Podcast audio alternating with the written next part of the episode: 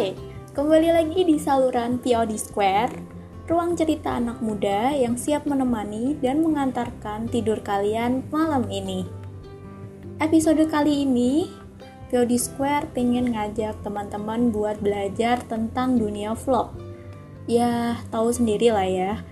Dua skill itu kan sebenarnya emang skill utama yang harus diandelin ketika kita ngevlog di akun-akun Instagram sekarang tuh lagi banyak kayak yang nge-share nge-share lomba-lomba vlog. Kemudian kadang ada sih yang minta kayak jasa buat pembuatan video kayak gitu. Entah footage entah itu vlog but malam ini POD Square tuh pingin ngajak dan juga ngasih wawasan ke kalian tentang apa sih dunia vlog itu dan kayak gimana supaya kita tuh bisa explore lebih dalam dunia vlog terutama di skillnya kayak tag shoot video atau mungkin editing kayak gitu kan. Yang nanti dia bakal berkembang seiring berjalannya waktu. Nah tapi nih pengalamannya Tio di Square selama udah ngevlog ngevlog sampai sekarang banyak temen-temen yang mereka tuh kepo nih tentang ngevlog tuh gimana sih? Caranya yang bagus tuh gimana sih? Dan serentetan pertanyaan yang lain. Nah kita bakal bahas dan kulik itu satu persatu. Semoga aja tips-tips yang bakal dibagi sama POD Square ini bisa ngebantu kalian yang lagi mulai di dunia vlogging. Jadi gak usah lama ya kayaknya kita lanjut aja langsung ke pembahasan vlog ini.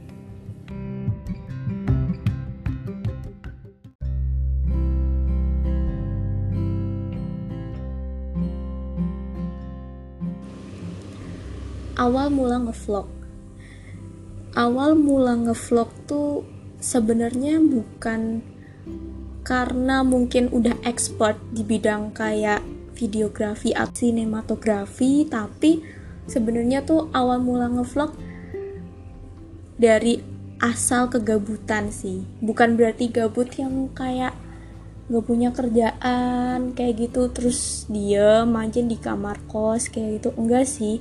Cuma awal mula ngevlog ini karena adanya sedikit kejenuhan sebenarnya. Kejenuhan entah itu saat kita ngerjain sesuatu ataupun kejenuhan akan ya biasa anak muda biasanya suka banyak pikiran apalagi yang masih kuliah tentunya. Kadang kan juga suka kepikiran duh nyari duit susah bayar UKT gimana? Kayak gitu-gitu kan. Nah jadi vlog ini tuh buat POD Square sendiri tuh kayak jadi jalan keluar dari kebuntuan kayak gitu semacam hiburan di setiap sela-sela kejenuhan yang bikin bosen banget. Nah POD Square mulai ngevlog itu kalau nggak salah sejak semester 5 itu udah coba-coba kepo. Awalnya sih kepo nggak yang kayak langsung bikin video terus uh, langsung belajar editing nggak. Mulai dari kepo terus kemudian mikir-mikir suka nonton video-video vlog kayak gitu. Tapi jadi kepikiran nih bikin video tapi yang bisa menambah wawasan juga gitu buat orang yang nonton. Jadi nggak cuma kalau di YouTube gitu kan kadang suka apa ya ngambil motong-motong video orang gitu terus dicomot aja asal comot gitu terus ditampilin buat adsense kayak gitu kan ya. Jadi tuh kayak kurang ah gitu loh rasanya. Nah kalau POD Square sendiri tuh pengennya bikin channel yang emang bermanfaat gitu buat orang yang mungkin kayak ada berita-berita apa tuh mitos yang dulu pernah ada kapal KM apa ya sinar bangun kalau nggak salah atau sinar apa aku agak lupa itu. Itu tuh kan berita yang mitosnya disangkut pautin sama dunia-dunia gaib. Dan sebenarnya di dunia bidang jurusanku ya geografi itu banyak gitu anak-anak yang resah gitu loh. Apaan sih ini? Kayak gini disangkut pautin kayak gitu-gitu. Ya bukannya POD Square nggak percaya juga sih. Ya percaya tapi kenapa kita nggak lihat dari sisi ilmiahnya dulu gitu loh? Karena kan ya supaya tidak menimbulkan pikiran-pikiran negatif atau membangun persepsi orang tuh buat percaya banget sama hal-hal kayak tahayul gitu-gitu kan itu malah bikin was-was dan menyebarkan ketakutan tersendiri gitu buat wisata yang mau datang ke sana. Kan ya kalau dipikir-pikir adanya rumor kayak gitu kan orang kalau mau wisata ke situ juga jadi takut gitu loh tuh kan bahasnya jadi melebar ngomentarin konten malahan. Oke balik lagi. Jadi karena di situ udah mulai timbul kekepoan akhirnya pengen membangun manfaat lewat konten yang aku namain geovlog segmennya. Nah di geovlog itu tuh yang aku bahas tuh ya tentang kegeografian atau mungkin wawasan pengetahuan lain yang ada hubungannya sama sains-sains lingkungan gitu lah karena emang Biodi Square tuh kan orangnya suka banget ya sama hal-hal yang berbau sains, misteri, keilmuan ya, yang emang mungkin bisa dijelaskan dengan cara-cara yang ilmiah kayak gitu. Dan di situ juga pengennya bantu buat para yang nonton videonya gitu tahu ternyata ada proses-proses alam yang kayak gini dan ternyata dampaknya bisa kayak gitu.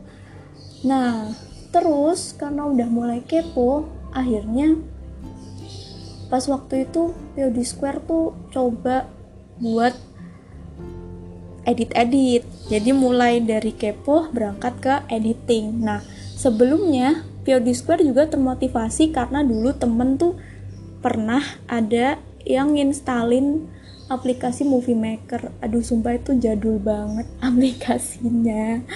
Tapi POD Square tuh masih pakai itu. Serius swear nggak bohong. Jadi pas dulu mahasiswa baru itu kan ada tugas bikin video-video gitulah tugas kuliah lah ya. Terus karena emang laptopnya temen nggak bisa diinstal makanya dia install pakai laptopnya aku gitu.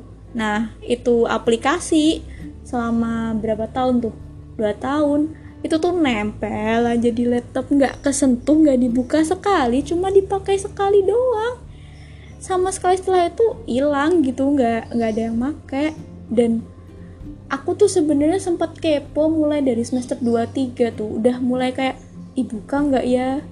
Pakai nggak ya aplikasinya? Tapi nggak ada kepikiran bikin video. Cuma kepikirannya tuh pengen tahu aja. Movie maker tuh toolsnya apa sih? Isinya apa sih kok aku nggak pernah bisa gitu loh gunain aplikasi bikin video kayak gitu.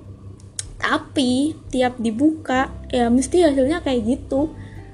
Hasilnya tuh setelah tugas membumbu-bumbui pikiran jadinya tuh kayak mau belajar editing tuh blur aja gitu. Lihat icon gambar iconnya tools di movie maker aja tuh udah kayak pening gitu loh. Padahal kan movie maker tuh gampang banget ya buat pemula.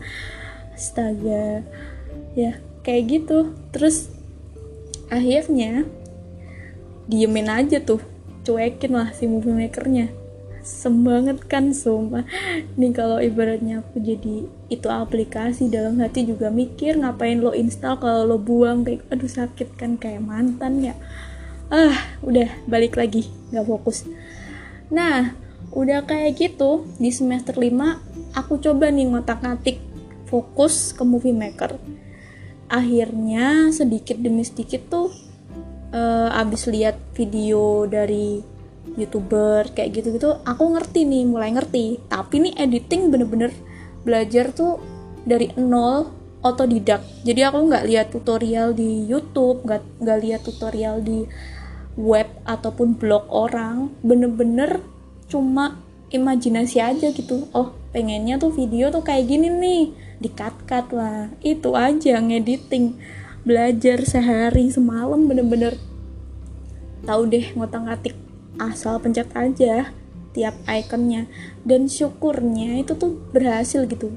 Pas pertama kali aku belajar itu ngedit video 5 menit doang itu tuh berhasil. Seneng dong berarti wah udah punya megang lah skill editing pemula gitu kan iya. Seneng banget tuh pemula doang. Terus abis itu di semester 5 itu kalau nggak salah itu juga ada KKL semester 5 apa 6 gitu ya. Itu tuh ada KKL yang buat kuliah pasti tahu lah ya. KKL itu kuliah kerja lapangan. Kuliah kerja lapangan yang kalian tuh bakal disuruh ke lapangan ya mungkin kayak semacam piknik tapi kalau buat anak geo tuh itu tuh lapangannya berat banget gitu loh. Karena kita harus penelitian di situ kita harus bikin laporan dan jurnal dan lain sebagainya lah pokoknya banyak kegiatannya. Nah pas waktu itu kita tuh ke lapangan ke daerah Bompon yang ada di Magelang. Jadi kayak laboratoriumnya dari UGM yang dibangun di situ kayak gitu. Nah dari situ tuh kan namanya orang surveyor itu tuh biasanya kalau di lapangan tuh suka bosen gitu kan jalan aja dari pagi sampai sore ngelilingin satu desa naik turun kayak naik turun bukit kayak gitu. Ya gitulah kalau anak geo kan sukanya lapangan gitu. Nah itu udah kerasa mulai kayak capek. Kalau udah kerasa mulai capek tuh malah ide cemerlang datang gitu loh. Tiba-tiba aja aku jadi keinget ini daripada akunya ngerasain susah-susah capek lah di lapangan. Ya kenapa nggak coba nikmatin aja gitu? Kenapa nggak coba bikin sesuatu yang bisa bikin kita enjoy pas kita di lapangan? Dan bisa bikin temen kita juga yang kita ajakin ngevlog dadakan itu kerasa seneng juga dong nggak capek. Secara kan kalau orang capek tuh biasanya udah nggak punya bahan pembicaraan ya sama temen. Jadinya kan diem dieman aja gitu. Masa kita diem dieman sih jalan berdua? Mending kalau temennya cewek. Lah kalau temennya cowok diem dieman kan dikira kita lagi dan tem skip. Balik lagi. Terus abis itu akhirnya aku memutuskan buat bikin video pertama. Wah itu bener-bener rasanya tuh di dalam hati seneng bangga kayak gitu kan bisa bikin video buat pertama kalinya. Dan itu mungkin lebih ke vlog kayak dokumenter kayak gitu kan. Nah udah dibikin sepanjang jalan dan semakin ke sini tuh semakin enjoy gitu. Kayak pekerjaan berat yang lagi aku lakuin itu tuh kayak nggak kerasa kayak semuanya ngalir aja ngajakin temen di video ketawa-ketawa sendiri kan jalan megang HP di desa ya di desa ada emak-emak lewat dong lihat kita pakai handphone kayak gitu aduh sumpah itu lucu banget sih Nah, karena kelucuan itu tuh yang bikin kayak kita tuh ih, seneng ya. Pengen belajar nih, belajar terus terus terus. Dari situ mulailah video vlog pertama itu POD Square upload di YouTube ya, channelnya Dinda Natsir. Kalian pasti tahu lah kalau yang udah ngikutin. Mulailah diupload di situ. Ya, mungkin emang nggak seberapa yang nonton kayak gitu tapi karena di sini POD Square itu niatnya emang nggak mau nyari adsense ya jadinya buat buat aku tuh kayak seneng aja gitu loh ketika videonya bisa diupload dan mungkin ada orang yang nonton dan itu bisa bermanfaat buat orang itu. Kalau emang orang itu lagi butuhin. Karena kadang nih POD Square suka dapet tugas apa gitu terus nyari di YouTube kayak gitu tuh nggak ada gitu. Jadi tuh bikin POD Square pusing sendiri kan. Nah ketika nemu itu tuh kayak bantu banget dan itu tuh bikin pikirannya POD Square bisa kebuka. Nah, POD Square pun pengennya juga bisa bermanfaat buat orang yang memang membutuhkan kayak gitu. Kan kita nggak ada yang tahu, siapa tahu mungkin buat orang lain itu itu nggak perlu, tapi buat orang yang lagi nyari-nyari dan ngebutuhin banget, dia bisa belajar dari video itu. Berangkat dari situ, mulailah POD Square tuh belajar editing skillnya yang tingkat menengah lah ya. Belum yang tingkat tingkat dewa tuh belum lah.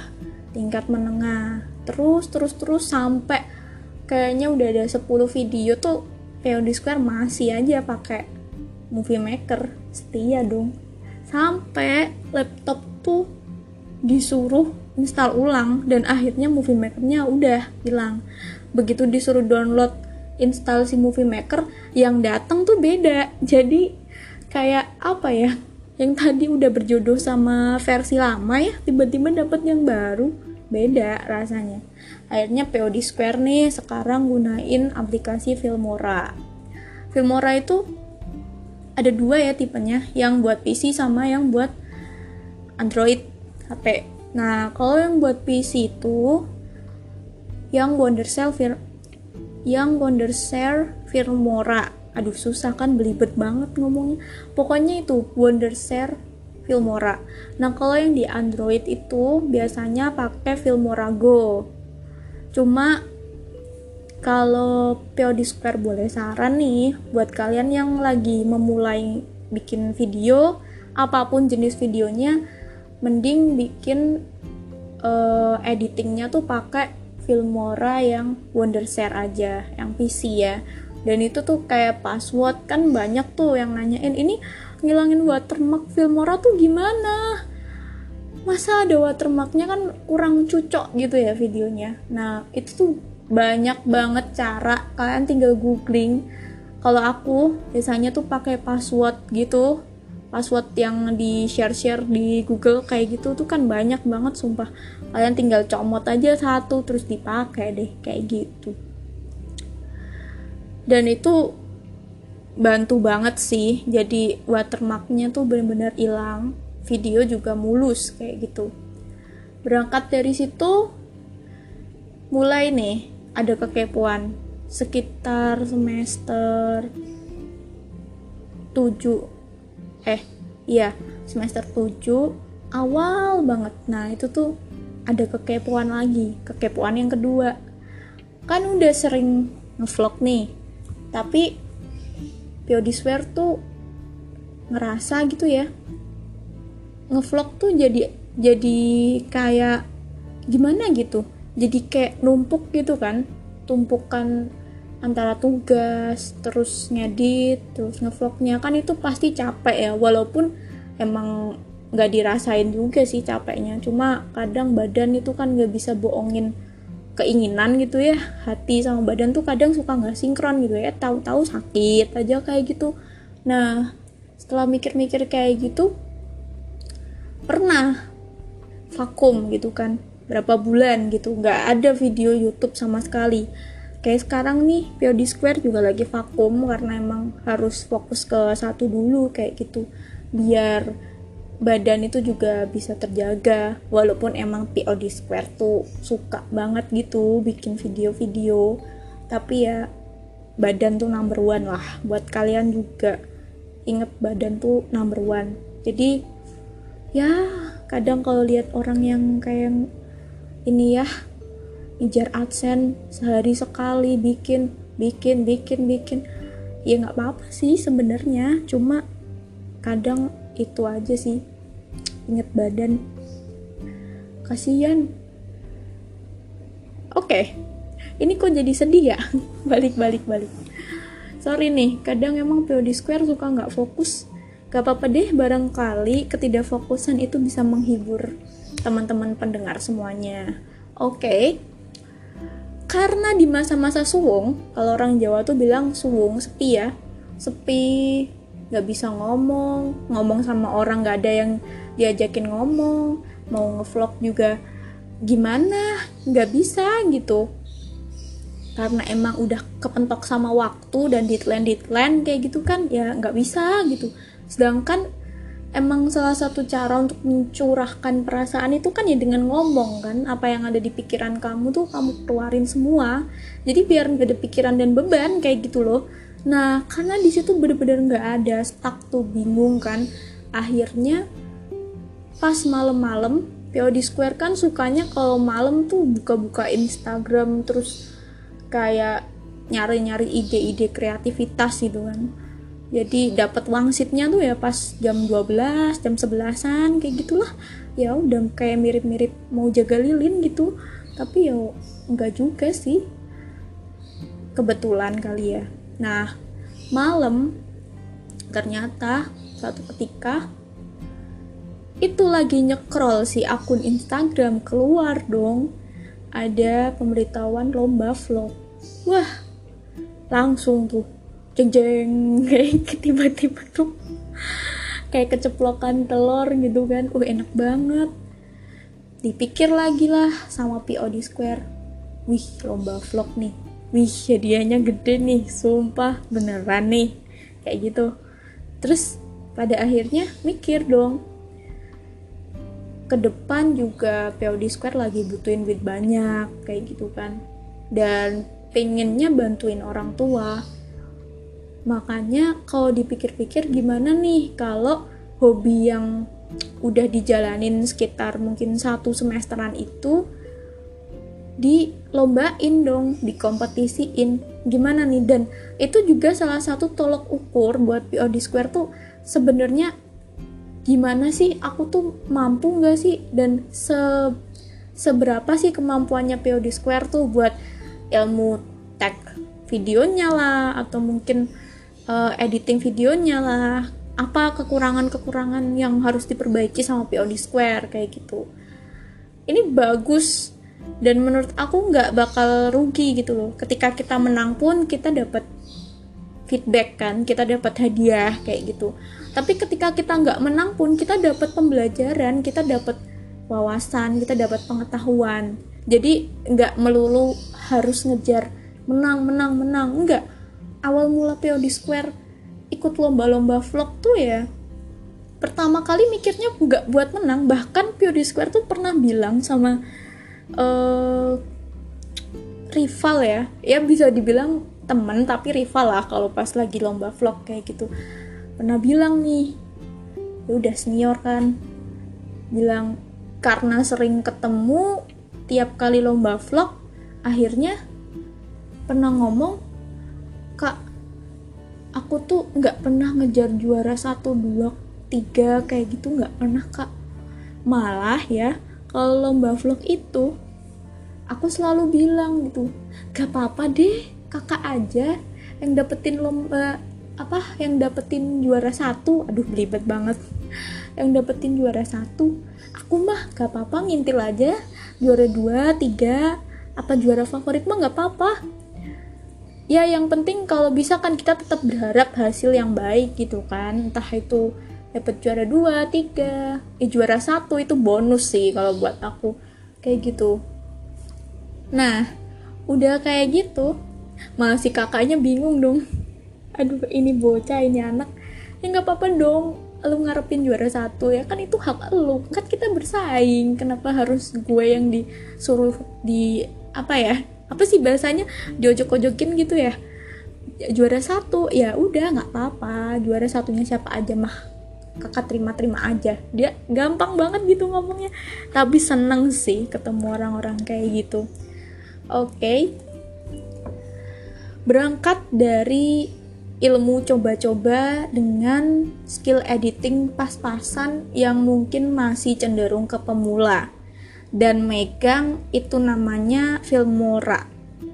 Filmora tuh kan masih ini ya editing aplikasi yang emang ya ibaratnya tuh buat pemula gitu loh walaupun buat orang yang skillnya udah tinggi ya enak juga pakai Filmora tapi menurut aku sih yang emang tingkat kesulitannya tinggi tuh kalau pakai Adobe tuh. Sama satu lagi tuh aku lupa apa ya. Ada deh pokoknya Adobe sama apa gitu yang satu. Nah kalau Filmora ini kan emang sebenarnya pinter-pinternya kita ngakalin gitu kan pas editing. Kalau emang pengetahuannya banyak pas editing pakai Filmora ya bakal bagus gitu. Tapi kalau enggak ya ya ya gitu. Dari lomba-lomba itu pertama aku ikut lomba yang di ini perumahan Cita eh iya perumahan Citra Grand Semarang. Itu aku tahu bener-bener cuma ada lomba itu. Setahu aku tuh di Semarang cuma ada lomba itu. Jadi ya ya udah ngikut aja. Ngikut dan aku pun tahu gitu kalau lomba itu tuh uh, yang ngadain tuh emang perusahaan ya real estate yang gede gitu kan. Setingkat Ciputra Group gitu loh itu tuh gede banget gitu. Perumahan di mana-mana secara. Ya mikirnya juga ya menang kagak ikhlasin aja lah. Yang penting belajar. Dan waktu itu bener-bener pertama itu aku nge-shoot karena nggak punya kamera sekarang juga masih nggak punya. Tapi ya pokoknya selalu berusaha karena pasti ada jalan deh buat kalian yang belum punya kamera dan cuma modal HP itu jangan minder karena ada tips dan triks nanti aku bakal bagiin mungkin di episode selanjutnya kali ya tips dan triks nge-shoot video bagus dengan kamera handphone. Bagus nih kayaknya episodenya. Oke okay. terus aku pinjem HP-nya pun modal pinjem karena aku tahu ya POD Square tuh HP-nya mungkin kameranya nggak bagus sih. Soalnya emang POD Square beli HP tuh selalu menyesuaikan dengan kebutuhan gitu loh. Dulu kan POD Square mikirnya suka survei lapangan butuh HP yang tahan banting gitu kan. Makanya POD Square tuh beli ya HP yang tipenya kuat buat pemetaan kuat buat buka itu apa namanya Google Maps dan lain sebagainya yang nggak gampang ngelak kayak gitu loh. Dan nyimpen data tuh bisa enak gitu cepet nggak lola. Tapi kan emang ada uh, kelemahan ya kelemahannya yaitu kamera pasti kualitasnya rendah. Nah kalau mau cari yang buat ngevlog ya mungkin kamera-kamera yang dengan kamera jahat itu bagus gitu. Bagus banget sih beneran jadi gambar tuh bisa kelihatan bagus aja kalau di tag shoot. Minjem. Minjem terus kita pakai lah sore gitu kan. Sore buat nge-shoot tag shoot gambar. Tapi yang aku suka di sini adalah waktu lomba yang Citra Grand itu aku dapat pelajaran juga bahwa karena aku kan sempat masuk tuh eh, uh, 10 finalis jadi termasuk dari 60 lebih tapi kayaknya nggak nyampe 70 sih. Ya 60-an lah 60 peserta. Itu aku masuk menjadi 10 finalis yang bakal dinilai kembali dan mempresentasikan karyanya. Kemudian diputuskan siapa yang bakal jadi juara kayak gitu. Nah pas di situ jurinya ngomong tuh banyak yang keeliminasi. Nih ini nih buat yang ikutan nih siapa tahu ada yang ikutan. Kan barangkali kalau kalian bisa belajar juga karena mungkin kalian nggak datang pas malam uh, pemutusan juara itu kan pemutusan lagi emang ada hubungan. Enggak enggak enggak maksudnya malam penentuan juara. Nah kalian bisa tahu mungkin uh, bagusnya tuh digimanain gitu ke depan buat kalian ngembangin skill video kalian jadi si juri tuh bilang banyak yang ikutan dan banyak video-video yang bagus tapi memang di situ juri menilai konsep yang paling utama tuh konsep yang dibawain sama peserta. Nah, pada saat itu emang kepikirannya POD Square tuh bawain konsep yang nggak ngebosenin gitu. Jadi ada konsep senengnya, harmoni, sama lucunya gitu. Dan ternyata kalau kalian mau cari tuh banyak hal-hal lucu yang bisa kalian dapetin pas kalian nge-shoot di lapangan. Cuma tinggal kayaknya peka apa enggak jadi utamakan ketika kalian nge-shoot video di lapangan kalian harus peka gitu sama hal-hal yang ada di sekitar kalian sekecil apa pun itu itu bisa bakal jadi hal yang lucu kalau kalian bisa kayak dari segi angle-nya dan juga dari mungkin cermatnya kalian kalau kalian nggak nangkep di lapangan eh tapi ternyata kalian nangkep pas di editing. Kan kadang kayak gitu tuh bukan penampakan ya tapi bukan. Nah, terus setelah itu selain konsep, dewan jurinya juga bilang banyak juga yang gunain color grading jadi kalau kalian belum tahu tuh color grading tuh kayak ibaratnya tuh warna yang mau kita apply ke videonya kita. Jadi semisal kayak pas kita nge-shoot nih di lapangan terus videonya tuh kayak aduh warnanya kurang bagus apa apa saturasinya kurang bagus kayak gitu gitulah terus warna warna hijau biasanya kan yang lebih diedit tuh kadang warna hijau di pohon atau rumput kayak gitu-gitu sih biar kelihatan kayak wih seger wih keren wih cerah kayak gitu loh. Nah tapi setiap kali seseorang melakukan editing terhadap video itu juga mempengaruhi penilaian dewan juri kayak gitu. Apakah uh, editing videonya kamu gradingnya itu berlebihan atau tidak? Buat orang-orang yang suka sinematik mungkin ya. Sinematik itu kan biasanya sangat erat banget tuh. Uh, kalau bikin video dia pasti bakal apa sih warna-warna videonya tuh pasti bakal kayak coklat kayak ke orange orenan kayak gitu-gitu. Apa mungkin ke biru-biruan. Kan ada tuh yang kayak gitu nah itu ternyata mempengaruhi penilaian. Itu kalau dalam uh, dunia lomba vlog ya. Jadi hati-hati aja kalau gunain grading kayak gitu. Boleh kalian gunain tapi harus tetap dengan batasan wajar. Jangan sampai dong tiba-tiba ada apa tuh uh, rumput gitu kan warnanya hijau tapi hijaunya yang bisa pekat banget atau hijaunya yang hijau ngejreng kayak gitu tuh kayak biasanya emak-emak suka make daster kadang kan ngejreng ya warnanya enggak ini gak sinkron. Ada ya malah ngomongin enggak. Jadi kayak gitu semisal. Terus kesalahannya POD Square waktu itu emang POD Square tuh ada make color grading itu jujur. Make cuma emang nggak terlalu yang signifikan hanya ada satu bagian part yang POD Square make itu bener-bener kelewatan sih. Kebangetan banget sih. Ya namanya orang pakai ilmu pas-pasan ikut lomba baru pertama kan ya nggak tahu ya. Jadi ada satu scene satu part yang di situ tuh nge-shoot langit gitu.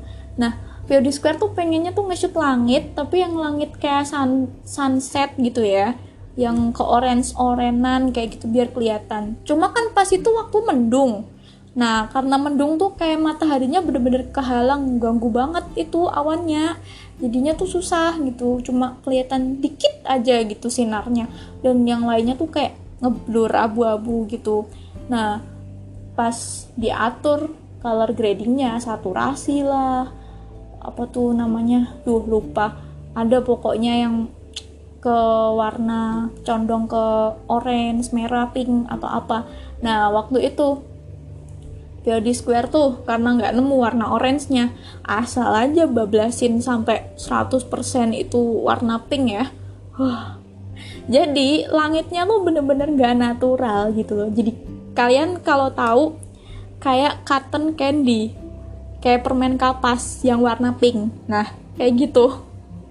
Sebenarnya bagus sih secara kalau orang ngevlog biasa tuh bagus tapi menurut dewan juri dewan juri tuh pingin nyari yang natural kayak gitu loh makanya mungkin ini adalah salah satu alasan kenapa saya tidak bisa mah loloskan diri sampai ke minimal empat besar lah ya. Soalnya waktu kemarin itu pas penyerahan uh, hadiah itu POD Square tuh di keurutan 5. Jadi POD Square terus abis itu juara favorit juara 3 2 1 ya lumayan sih nyaris lah ya. Tapi seenggaknya mungkin bisa belajar lebih lagi. Dan dari situ dari Square kebuka tuh matanya. Oh ternyata skillnya masih ecek-ecek terus akhirnya dari situ POD Square belajar belajar ikutlah lomba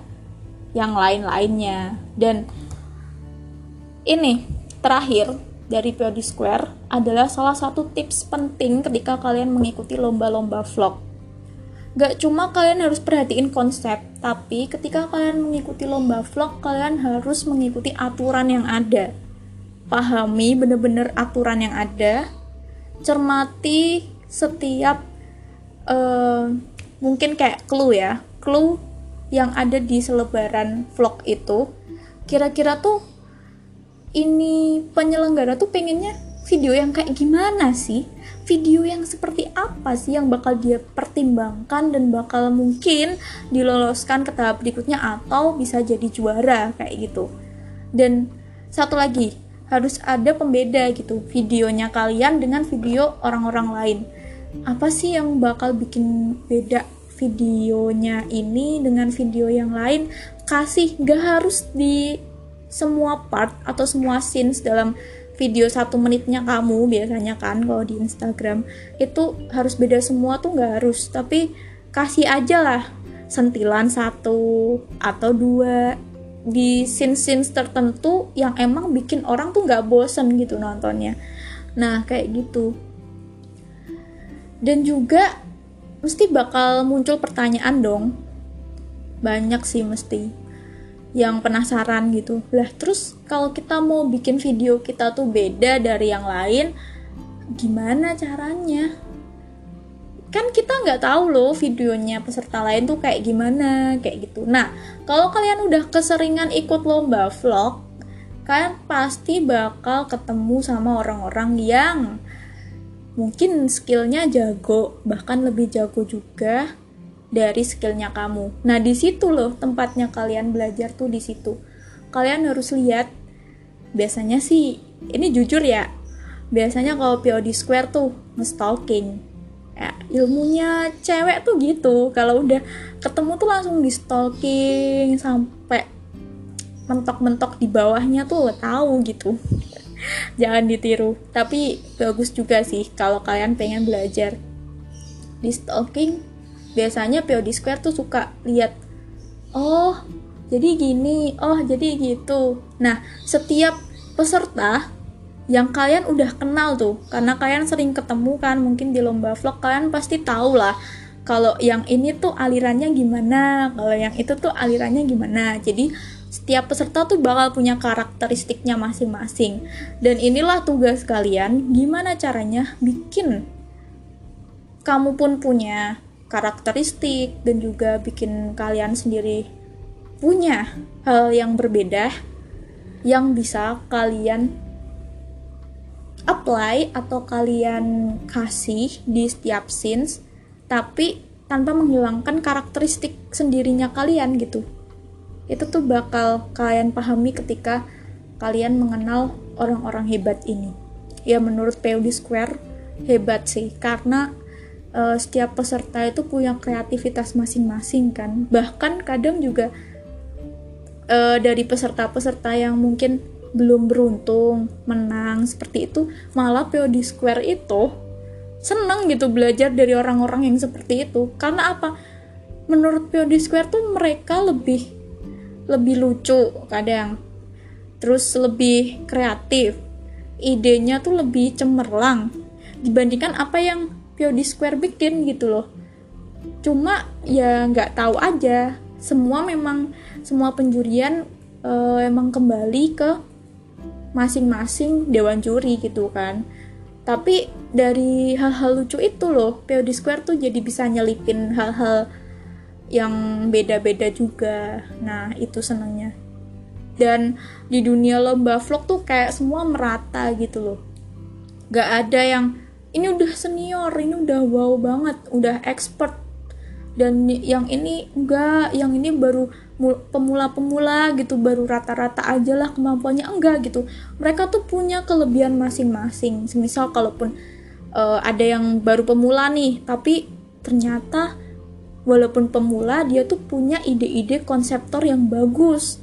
Itu kan bisa menambah nilai plus ketika di juri kan di penjurian di ide konsepnya. Terus ada nih yang tag shoot video di lapangan tuh bagus banget. Itu juga bisa nambah tapi kan belum tentu konsepnya bagus. Nah Lalu ada juga yang skill editingnya tuh tingkat dewa. Nah ini nih yang biasanya bikin POD Square tuh suka kayak minder kalau udah bersaing sama orang yang editingnya tingkat dewa. Ya walaupun emang gak selalu kan dinilai dari skill editing. Kalau dinilai skill editing kan nanti namanya bukan lomba vlog, nanti namanya lomba editing video. itu kalau kata partner POD Square yang sering jadi talent juga sama tukang nge-shoot kamera dadakan. Katanya sih gitu. Terus ya dari situ kalian bisa belajar kayak gitu. Nah gimana buat kalian yang udah mau mulai bikin-bikin video? Atau kalian tuh di rumah di kosan punya kamera atau sekarang kameranya justru nganggur nih. Sekarang kan banyak kan dunia-dunia YouTube, web, WordPress, blog, dan lain sebagainya yang ngasih tutorial. Cukup baca aja, kalian pasti udah punya gambaran ketika megang alatnya. Percaya deh, jadi kalian jangan minder sama sekali.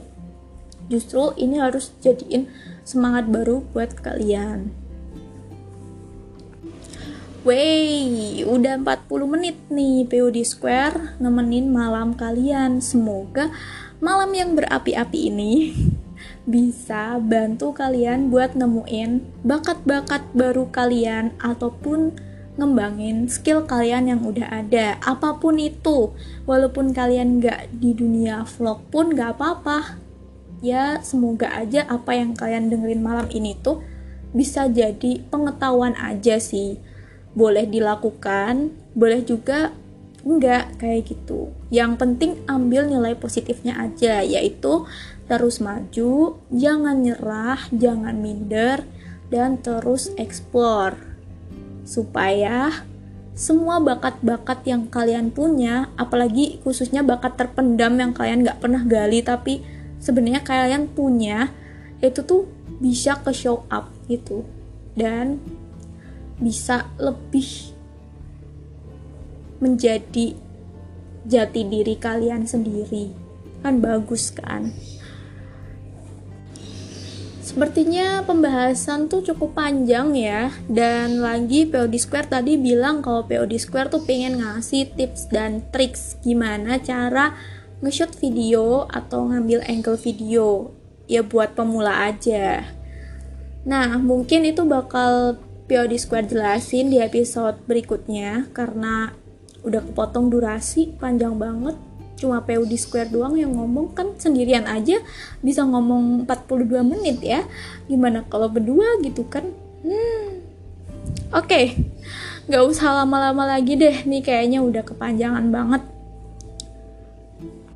Udah saatnya buat POD Square pamit undur diri. Terima kasih buat kalian-kalian yang setia mendengarkan saluran podcast ini. Jangan lupa buat share saluran podcast ini ke teman-teman kalian yang mungkin mulai beranjak di dunia sinematografi ataupun videografi, editing video juga bisa. Dan juga jangan lupa buat terus ajakin teman kalian tuh berkarya karena hidup tuh kalau tanpa karya tuh berasa kopi tanpa gula gitu. Pahit coy. Gak enak.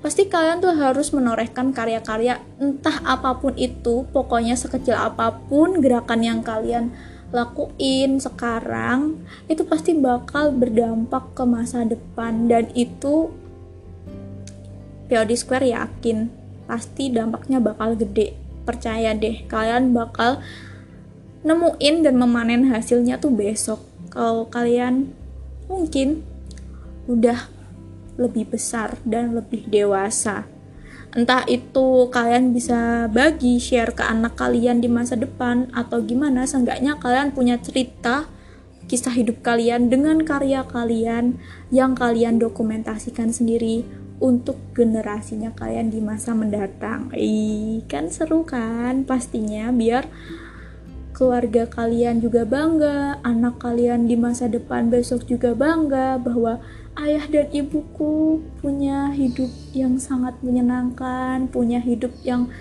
sangat-sangat menginspirasi itu sih tentunya. Oke, okay, POD Square cuma bisa pamit undur diri. Saya Dinda Putri, pembawa saluran podcast ini mengucapkan selamat malam.